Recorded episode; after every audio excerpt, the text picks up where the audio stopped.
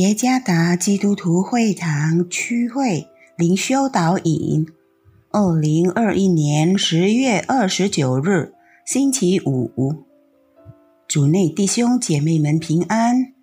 今天的灵修导引，我们要借着圣经阿摩斯书第五章第四到第六节来思想今天的主题：寻求上帝。作者。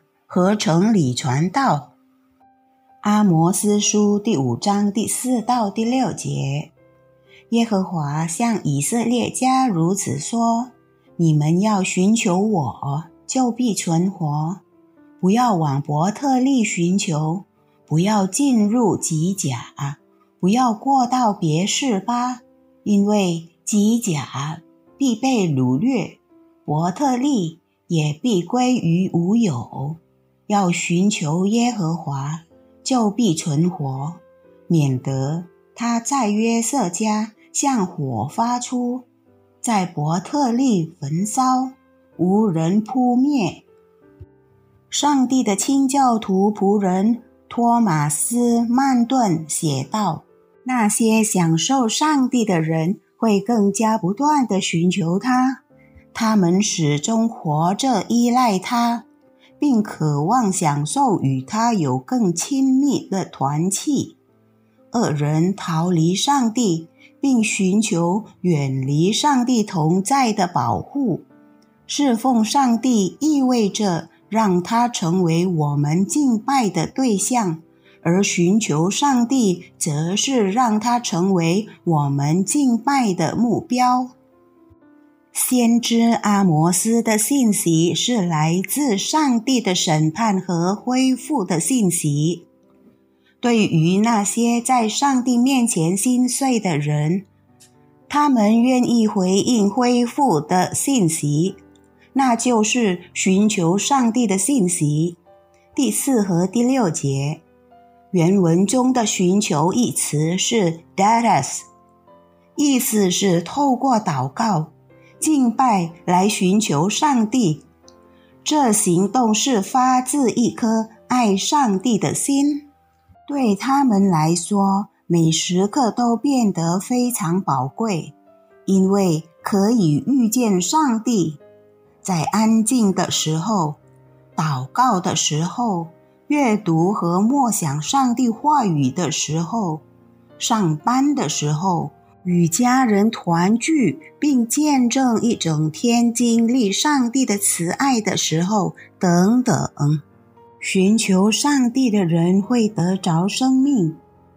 原始语言中的“生命”一词是“斋呀”，意思是仍然活着、得救、活的灵魂。因此，他们的灵魂永远活着。并从上帝的愤怒中得救。无论什么事情发生，他们仍然寻求上帝来填满自己的生活。因此，他们将拥有属天的智慧来度过每日的生活。与此同时，那些在上帝面前愚拙的人，仍然拒绝恢复的信息。他们一再的往伯特利、吉甲去献祭给上帝，但他们的心还是没有寻求他。他们所得到的乃是永远的死亡。按照上帝国度的价值观来敬拜他，意味着坚持不懈的寻求他。这就是上帝对作为他敬拜者的我们的要求。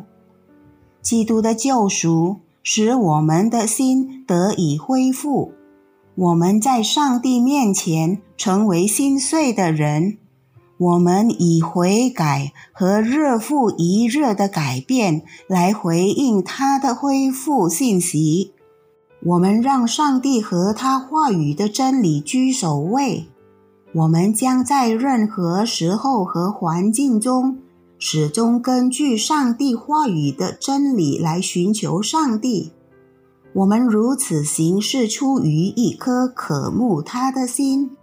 现在我们所度过的，乃是在上帝的儿子基督里的生活，爱神、尊重神、顺服神的生活为至上。这样的生活是从上帝的愤怒中得救，并进入永恒荣耀的生命。如果我们是已被基督得着上帝的敬拜者，那么即使在困难中，我们也会不断努力地寻求上帝。主耶稣赐福。